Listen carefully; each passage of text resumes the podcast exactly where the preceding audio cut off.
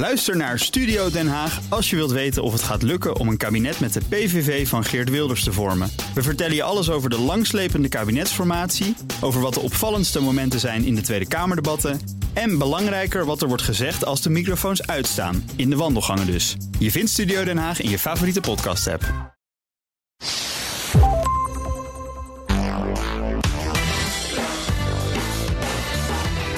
Welkom bij de Ben Tichelaar podcast bij BNR, de wekelijkse podcast over persoonlijk leiderschap.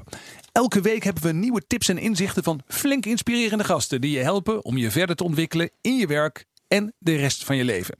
Mijn naam is Ben Tichelaar en mijn gast in deze aflevering is Jan van Zetten. Jan, welkom. Wat fijn dat je er bent. Ja, dankjewel Ben. Ongelooflijk leuk om hier te zijn. Ja, hey Jan, ehm, we gaan even kort jouw bio door, doen we heel snel even. Maar je bent ooit de accountancy begonnen internationale jobs gedaan bij eh, best wel eh, bekende bedrijven als Nestlé, Alcoa. Alcoa, dat is die, grote aluminiumclub, toch? Ja. En daar heb je ook voor eh, in best wel gekke landen allemaal gewerkt, volgens mij, toch? Ja, ja, ja, een beetje in Europa, een beetje buiten Europa. En ja. manieren ontdekt die niet werken en die wel werken. En, ja, precies. En was dat dan zeg maar in het financiële vak of was dat dan in leiding geven? Ja, dat is commercie en leiding geven. Oké. Ja, ja, ja, Interessant. Uiteindelijk ben je nu een van de bekendste sprekers en managementauteurs van Nederland.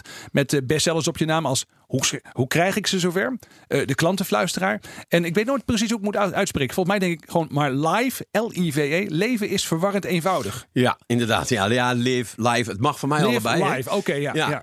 ja. Want het leven is ook live. Het meeste is niet opgenomen. Het meeste nee. is wat je zelf creëert. En, Op het moment uh, zelf, ja. Ja, precies. Mooi. Zeg, we gaan het hebben over ja, het onderwerp persoonlijk leiderschap. En het is leuk om bij jouzelf te beginnen. Wat is nou iets in die nou ja, best wel omvangrijke uh, loopbaan... met heel veel verschillende dingen die je hebt gedaan... Was nou een inzicht of een, een, misschien wel een ervaring waarvan je zegt dat heeft mij ook wel echt gevormd? Daar heb ik zelf heel veel van geleerd. Ja, dat zijn het natuurlijk een aantal. Hè? Maar als ik uh, er zo even over nadenk wat hefboomwerking heeft gehad, om het zo maar even te zeggen. Ja.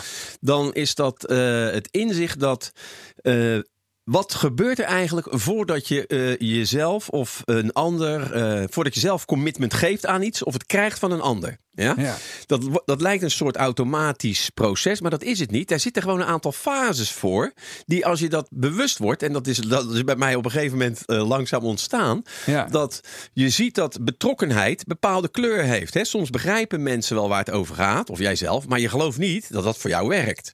Soms geloof je wel dat het werkt, maar je weet niet hoe het moet. Soms ben je je niet bewust dat het überhaupt speelt. Laat staan dat je ervoor open staat om van gedachten te wisselen. Ja. Dus ik dacht bij mezelf, ik denk, hé, hey, wacht eens even.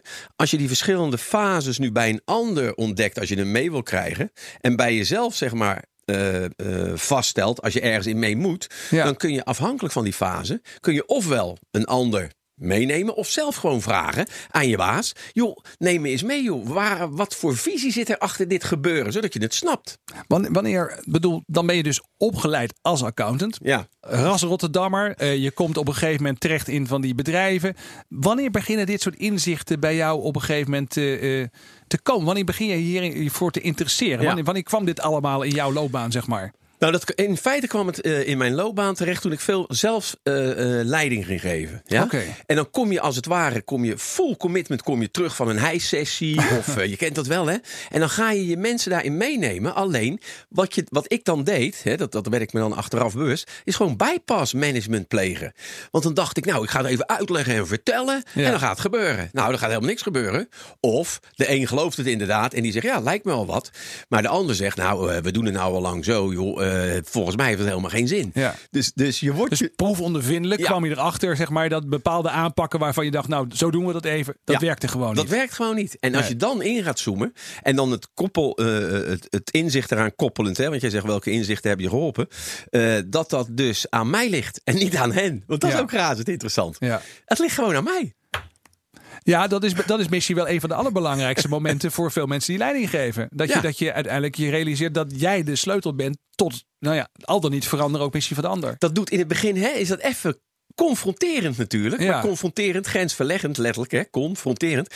En dat is uiteindelijk goed nieuws. Maar het voelt in het begin even lastig. En weet je nog wanneer dit speelde voor jou? Hoe lang, praat, hoe lang geleden praten we dan? Ja, joh, dan zit ik toch al een jaar of even kijken, twintig terug. Ja. Twintig terug. En dat komt ook omdat je in verschillende culturen terechtkomt en dan denkt, dit werkt hier, dus dat werkt daar ook. Ja. Nee, dan krijg je nog een extra, e- extra slag erop. Dat een cultuur bepaalt ook in heel veel gevallen natuurlijk hoe tegen dingen aangekeken wordt. En hoe tegen dingen aangekeken wordt, daarin worden gedragskeuzes gemaakt. Ja. Ja. En, en ja, dan leer je vanzelf wel dat je.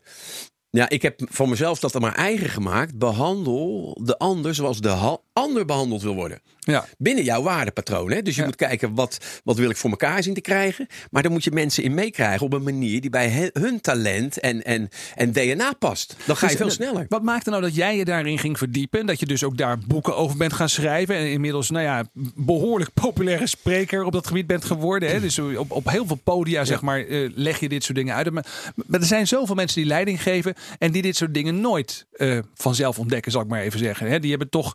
eh, hoe is het bij jou gekomen? Dat, was dit iets wat jou altijd al interesseerde? Nou, ik merkte wel steeds meer dat eh, de mens als motor van de business steeds meer aan een interesse gewonnen heeft bij mij. Ja, Ja, ja. Kijk, ik zat bij een bedrijf, was eigenlijk een vrij simpele KPI. Er was er maar één, zou je kunnen zeggen. 15% rendement op geïnvesteerd vermogen. Nou, dat is vrij simpel. Zat je eronder, kreeg je aandacht. Zat je erboven, hoorde je niks. ja, zo ging dat. Ik heb daar ongelooflijk veel eh, geleerd. Hè? Dus ook geen Ja. kwaad woord over. ons. Ik ben ze heel erg dankbaar. Maar op een gegeven moment krijg je steeds meer beeld dat die mens als motor van die business de, de, de hefboomfactor is. Ja. En toen ben ik steeds meer in die, eigenlijk die psyche van die mens gaan interesseren. Ik denk, ja, waarom doen ze nou eigenlijk wat ze doen of niet doen wat ze wel Ja. zouden willen? En nou, noem dat hele spectrum maar op. Ja, en dan kom je in een, ik noem dat een positieve, bodemloze put. Als je daar Positieve, bodemloze punt. ja, want dat zal ik uitleggen. Kijk, een bodemloze put, dat voelt je blijft gewoon als het ware vallen, maar je raakt de vloer niet. Want Ja. dat, daar, daar zit zoveel diepgang in. Ja, ik weet nog niks. Voor Ja. mijn gevoel. En, en terwijl ik al een tijdje aan het vallen ben. Ja, dus je bent al twintig jaar zeg maar, aan het leren op dat gebied. ja. Ja. en, en dat is echt wel een bepalend moment voor jou geweest. En, en nu zeg je, nu ben ik dus eigenlijk gewoon, voor, terwijl je ondertussen natuurlijk veel doseert, eh, ook nog heel veel zelf aan het leren. Ja. ja. Wat is op dit moment, hè, laten we eens even naar de inhoud van jouw werk gaan. Ja. Nou ja, daar waren we eigenlijk al een beetje mee bezig natuurlijk. Maar ehm, wat is op dit moment jouw, eh, jouw grote interesse? Wat, wat, wat ben je nu aan het studeren, zou ik maar zeggen? Wat ja. is, Nou, wat, waar, waar, waar ik nu mee bezig ben, eh, dat is. eh, en dat zit wel heel dicht tegen persoonlijk leiderschap aan. Ik zou het door de binnenbocht zo kunnen samenvatten. Hoe hou je het gat gesloten tussen intentie en gedrag? ja. Ja? En eh, wat heb je daarvoor nodig? Ja, en waarom is dat lastig? En hoe, hè, hoe komt dat dan? En dat, dat spectrum is natuurlijk razend interessant. We willen wel van alles, maar we doen het niet altijd. Maar we doen het niet altijd. Hè? Ja. Ik, vanochtend ook, ik was bij een bedrijf, ik moest daar een verhaal houden. Echt geweldig voor mij zaten eh, een paar managers vol commitment. Hè? De spreadsheets eh, over de bühne te trekken en, en de plannen voor 2020.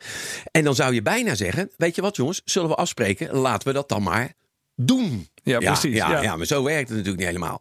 En, en eh, wat ik nu eh, leuk vind is om te helpen, zeg maar qua inzicht, maar ook qua manier hoe doe je dat dan, om dat gat gesloten te houden. Dus hoe trigger je mensen nou zodanig dat ze een komma zetten achter hun, achter hun intentie en geen punt? ja. Hè, dat er wat gebeurt.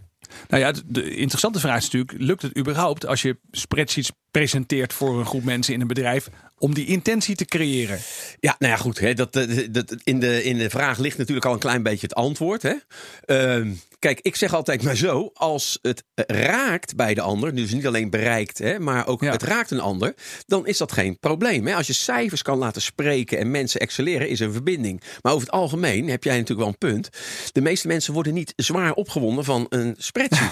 ja, dat, dat klinkt misschien raar. Sterker nog, als, als er veel Er zijn men- mensen die er niet, eh, ja, precies, die Ja. er niet warm voor worden. Ja. die er niet warm worden. Maar laat je het spreken, dan is het wat anders. Hè. En hoe, hoe doe je dat? Hoe laat Nou, je dat geef je een voorbeeld. Ik zit bij een bedrijf en eh, als je goed kijkt naar de spreadsheets, hè, dit was een bedrijf in de bouw, dan lekt er ongeveer 6 miljoen weg aan, dat, dat heet dan zo, eh, zo genoemd, niet zogenaamd, maar dat heet echt zo, faalkosten. Ja, precies. Dus eigenlijk zeggen Dus wij dit, tegen dit elkaar. bedrijf, dit ene bedrijf, 6 miljoen faalkosten, Faalkosten. per jaar. Ja, op een relatief, nou ja, best wel een leuke omzet, maar in, in, in percentage van de omzet pak je ongeveer 10%. Dus dat is gigantisch. Dat is veel. Dus als je tegen mensen als je dit gaat verbeelden, die cijfers, dan zeg je eigenlijk, jongens, er ligt hier gewoon bij ons voor het grijpen 6 miljoen.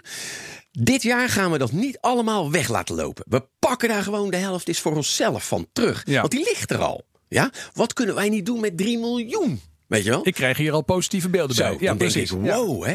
En, en het leuke is, als je dus als je, als je zo verbeeldend kan praten dat mensen denken: ja, wacht eens even, daar moeten we ook iets mee, daar moet ik iets van vinden. Ja. Wat er dan gebeurt is in feite, je hebt invloed op de manier waarop iets overkomt bij een ander. En wat ik heb gemerkt, klinkt als een open deur, maar je moet wel naar binnen. De manier waarop iets overkomt bepaalt zeg maar, eh, eh, het begin van de mentale supply chain. Ja? Ja. Als jij anders begint te denken over dezelfde dingen. Want die 6 miljoen, ja, die is gewoon die 6 miljoen. Die lag Maar er ook al. Die die er al. wisten misschien al een Ja. tijdje. Maar nu gaan we er eens een keer anders naar Ja. kijken, zeg je. En moet je je voorstellen, Ben, dat je eigenlijk zegt: jongens, we hebben dat nu ook al gebudgeteerd. Want dat zit gewoon in de cijfers. Ook voor 2020 hebben wij gebudgeteerd dat we 6 miljoen cursussen met elkaar mogen gaan volgen. Oftewel manieren ontdekken die niet werken. Ja. Dat is een vermogen.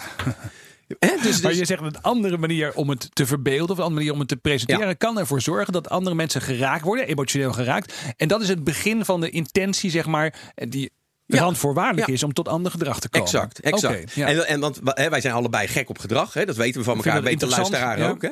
Maar het leuke is, als je eh, gedrag zeg maar afpelt en je gaat in de vonk zitten die aan het begin zit, dan is dat in feite hoe kijk jij ergens naar? Hoe Ja. komt iets op jou over? En wij managers, tussen aanhalingstekens, nemen daar eigenlijk te weinig tijd voor. Ja. Hoe komt dit nou op jou over? Want als ik dat kan beïnvloeden, dan komt daar achteraan En om, om die vonk ook te krijgen, hè? Precies. precies. En als je dat kunt beïnvloeden, dan komt er achteraan. Exact, dan komt daar achteraan een intentie die net even sterker is, omdat dat beeld Ja. veranderd is. En een sterkere intentie levert veel meer gedrag op. Hè? Ja. Ik zeg wel eens, hè, als, je, als je kijkt naar commitment, dat is natuurlijk een schitterend Nederlands woord, maar wat is dat dan eigenlijk? Maar eigenlijk zeg je, jongens, we gaan het niet proberen, wij gaan het doen. En, en als je dan in, nou, in bouwtermen zou kunnen praten, beton is.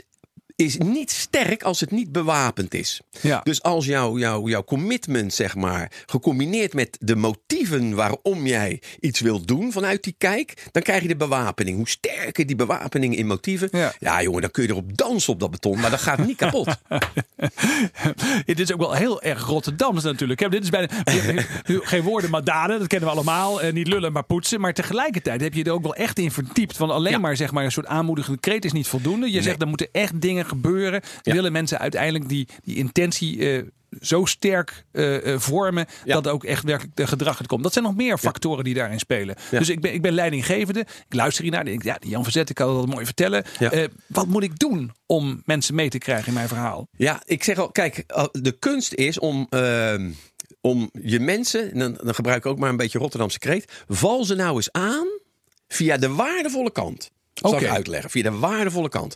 Kijk, eh, mensen hebben de mond vol van we moeten elkaar leren aanspreken en dit en zus en zo. Hè? Ja. Als je goed woord, luistert naar het woord aanspreken, dan lijkt het wel aan blaffen. Hè? Ja. Nee joh, spreek elkaar eens op een aansprekende manier aan. Precies, Als ik niet alleen maar jou- benoemen wat er allemaal Nee. verkeerd ging. Hè, want daar gaat het dan vaak over bij dat Exact. aanspreken. Ja. Stel dat je gewoon eens aan je mensen vraagt: hey jongens, weten jullie trouwens wat ik zo in jou, jullie waardeer? Weten jullie dat eigenlijk wel? En dan moet je je mond houden als manager.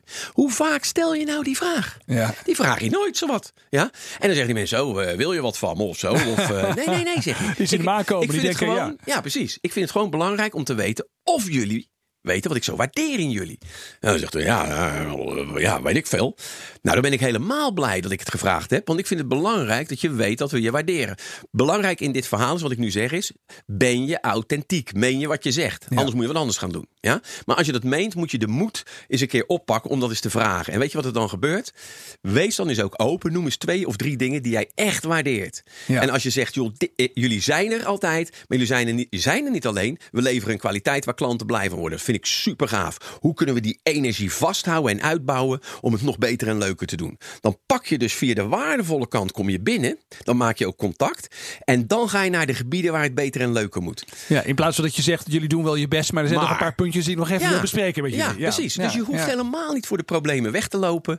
Het is helemaal geen, geen hielerlikkerij of weet ik veel wat. Maar je- als je het oprecht meent, moet je via die kant eens binnenkomen. En dan kijken hoeveel energie er vrijkomt. Ik vind het heel interessant, Ja. dat, dat zie ik jou wel vaker doen. Ik heb jou een Ja. paar keer zien presenteren. En wat, ik mij, wat mij er altijd aan opvalt, is dat ook problemen waar andere mensen van zeggen: ja, wat moet je daar nou mee? Bijvoorbeeld collega's die geen zin hebben. Ja. Of eh, mensen die altijd lopen te klagen. Ja. En ook die mensen benader jij eh, van die positieve kant, bijna soms op een hilarische manier. Dat je Ja. denkt van ja, Ja. dit is echt heel grappig. Maar tegelijkertijd snap je, van, maar wacht eens even, als je het zo zou doen, dat zou nog wel eens kunnen werken ook. Nou ja, dat, dat, dat is ook een beetje de verwarrende eenvoud die daarin zit. Hè. De eenvoud kan soms leiden tot verwarring, verwarring tot nieuwe inzichten. Ik Geef Ja. je een voorbeeld. We doen een eh, seminar dat heet, ja, het is hilarisch hoor, die titel. Leiding geven aan mensen die geen zin hebben. Ja. Nou, wie heeft daar nou zin in? Zou je bijna denken. Ja, precies. Maar tegelijkertijd denken heel veel mensen, ik zou wel eens we- willen weten hoe dat nou Ja. werkt. En Precies. dan krijg ik een voorbeeld, Ben, moet je luisteren. Hè? Dus dan komen er allerlei cases eh, voorbij natuurlijk. En dat zijn zware gevallen, want mensen komen daar niet heen. Nee. Als het een beetje niet lukt. Nee, ze zitten bijna op opgeven. En dan, eh, nou, en dan krijg ik een vraag. En dat is echt geweldig. Dat is natuurlijk superleuk om te doen. Die man zegt tegen mij, ja luister, ik heb zo'n zo'n type. Zo'n type, hè, noemen ze dat, zo'n type. En die zei gewoon, eh, we gingen met een nieuw systeem werken. En eh, die zei gewoon tegen mij, joh, ik heb daar geen eh, zin in. Ik heb er geen zin in. Ik zeg, oh ja, dat is echt, dat is niet fijn om te horen. Ik zeg, hoe heeft u dat aangepakt? Hij zegt, nou gewoon, dan maak je maar zin. Weet je Oh, wel? ja. Ja, ja, geweldig. Hè?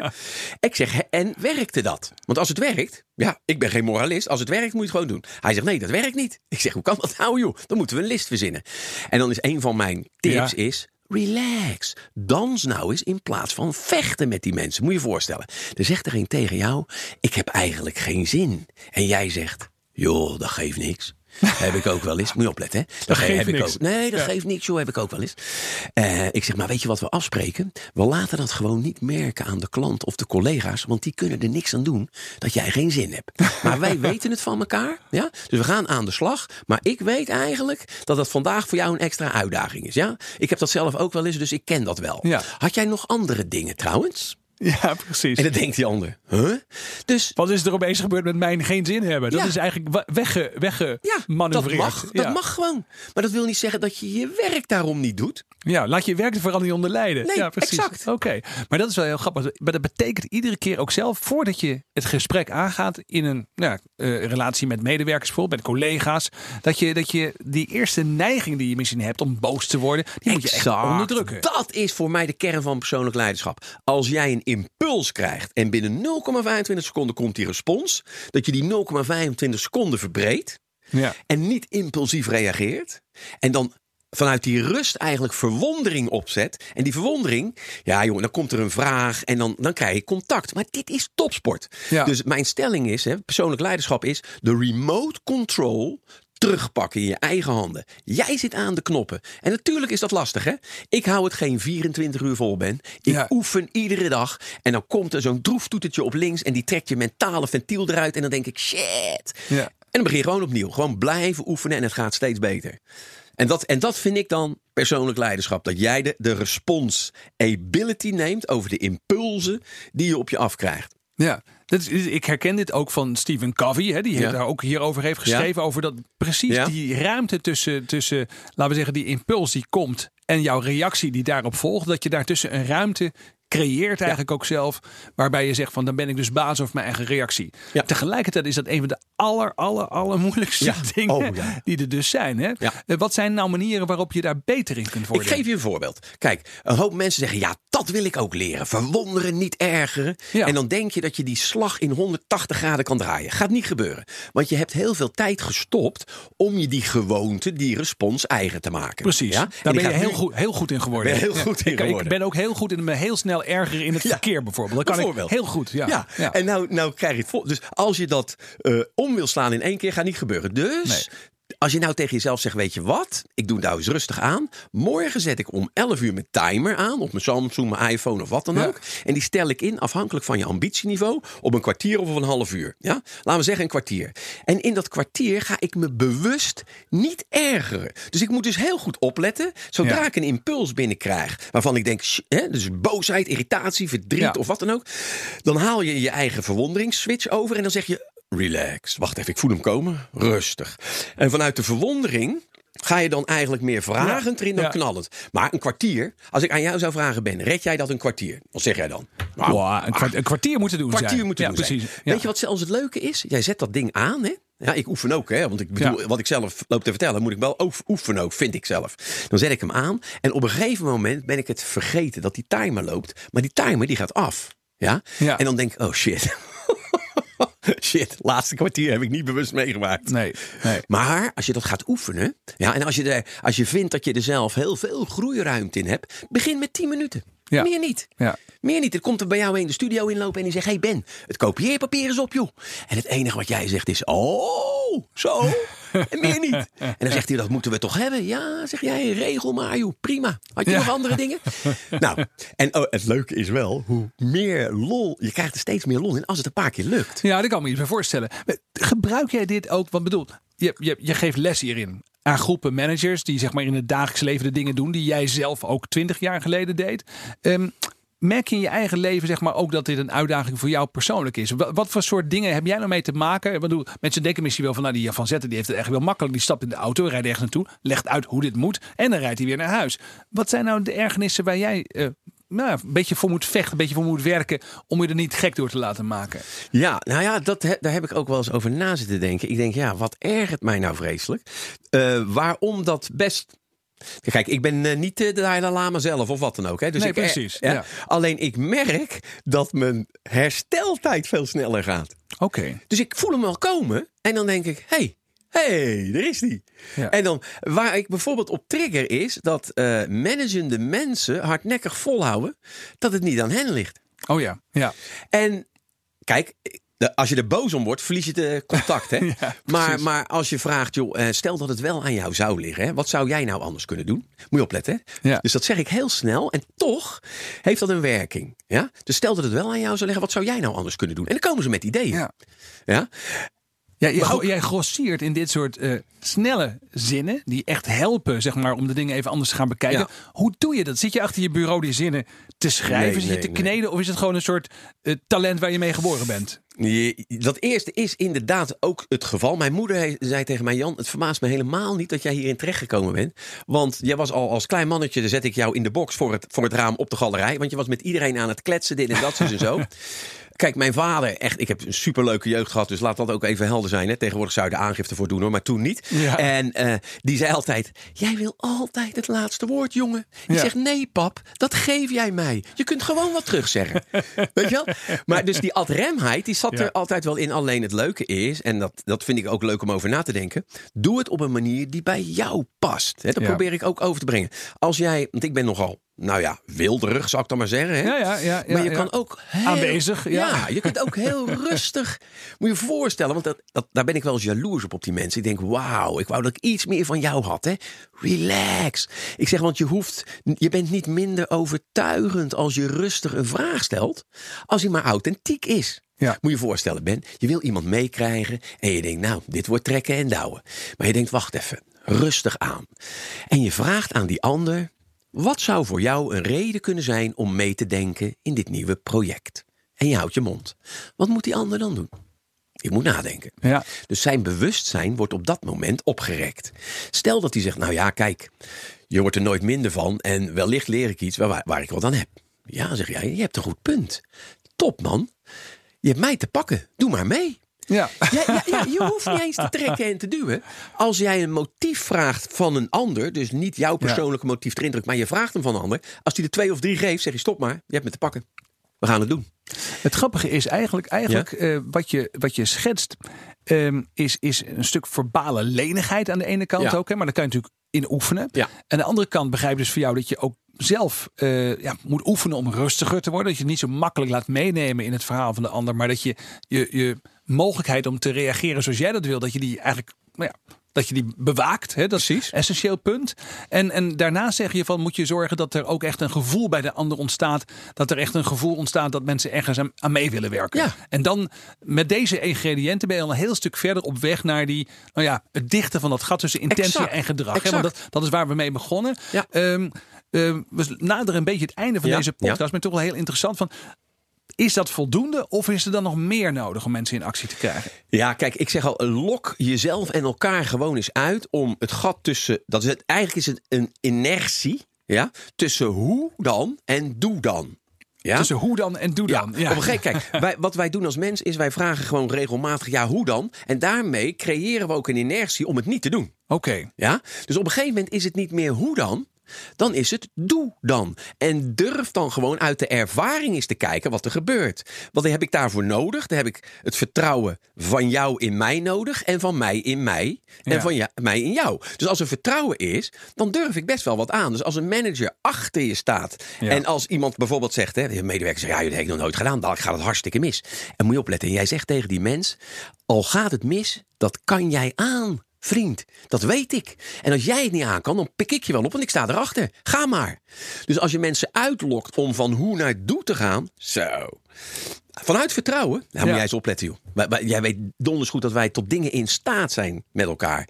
Ja, dat, dat durf je nu nog niet eens van te dromen. Ja. Als we elkaar de ruimte geven. Heel mooi, dankjewel voor deze inzichten. We gaan eens even naar een van de eh, laatste vragen Ja, alweer. We, moeten, we moeten een beetje tempo maken. Ja. Een verrassende vraag. Eh, een vraag die in een envelop zit, genummerd hier van 1 tot en met 15. En jij moet een getal noemen en dan pak ik de, ja, pak ik de envelop. Dan gaat hij. Oké.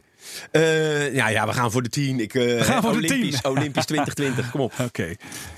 Nummer 10.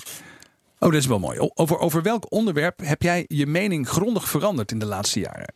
Dus is er iets waar je in de laatste jaren echt heel anders over bent gaan denken? Mag alles zijn. Ja, ja, ja daar zit er wel één waarvan ik denk, ja, ja er, zit, er zit- er zit een beetje een, een, een dubbele bodem in. Eén is, mensen hebben van nature geen weerstand tegen verandering.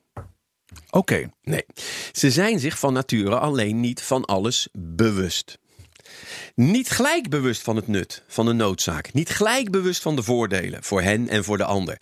De methodes die ze kunnen helpen op een manier die bij hen past. Hoe je angst kan overwinnen. Dus als wij dat bewustzijn verruimen. Ah, als je dat zelf wil bij jezelf en je wil een ander daarin helpen. Dan blijkt dat dus weerstand veel meer leerstand is. Er zit nog één ding bij wat, mij, wat mijn bewustzijn ontzettend geraakt heeft. Is, en dat is Iedereen is van waarde en niemand is dom. Ik heb daar dus heb ik er dus een beetje een hekel aan als mensen zeggen die is dom. Ja, ja, Vervang ja. dat woord voor onbewust. Sommige mensen zijn heel onbewust van hun gedrag en de consequenties. En als jij de kunst verstaat om dat bewustzijn te verruimen, help je die mensen slimmer te worden over zichzelf en daarmee de invloed die ze kunnen pakken hè, op de situaties waar ze in zitten. Ja, dus betekent dat je mensen moet helpen om bijvoorbeeld de consequenties van hun daden beter te gaan zien. Exact, exact. Of te ervaren. En Niet alleen maar door dat beleren te doen, maar door zodat mensen, mensen dat te laten zien. Precies, want een bewustzijn wat eenmaal gegroeid is, gaat nooit meer terug naar de oude vorm.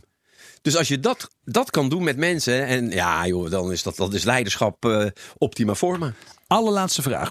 Ehm, jouw mediatip. Wat, wat is nou iets wat we moeten lezen of kijken? Of een TED-talk of iets anders waarvan je zegt... nou, als we dan toch over dit soort onderwerpen met elkaar in gesprek zijn... kijk hier eens naar. Als ik een TED-talk eh, zou pakken, eh, dan zou ik. eh, ja, hij is ook veel bekeken, dus dat is niet voor niets. Dat is Stop Screwing Yourself. Stop screwing yourself. Ja, Oké. van Mel Robbins. Echt geweldig hoe die vrouw dat over de bühne legt.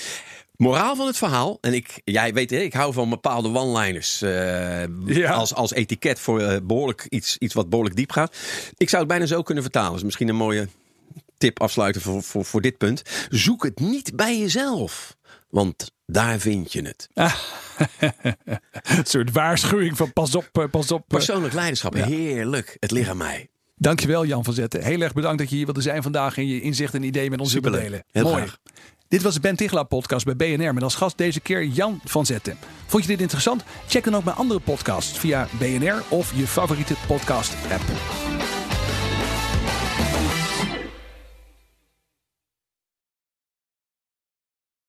Ook Hugo Reitsma vind je in de BNR-app. Superhandig die BNR-app. Je kunt alle programma's live luisteren, breaking nieuwsmeldingen. Je blijft op de hoogte van het laatste zakelijke nieuws. En je vindt er alle BNR-podcasts, waaronder natuurlijk de belangrijkste, Boeken zijn in de wijk.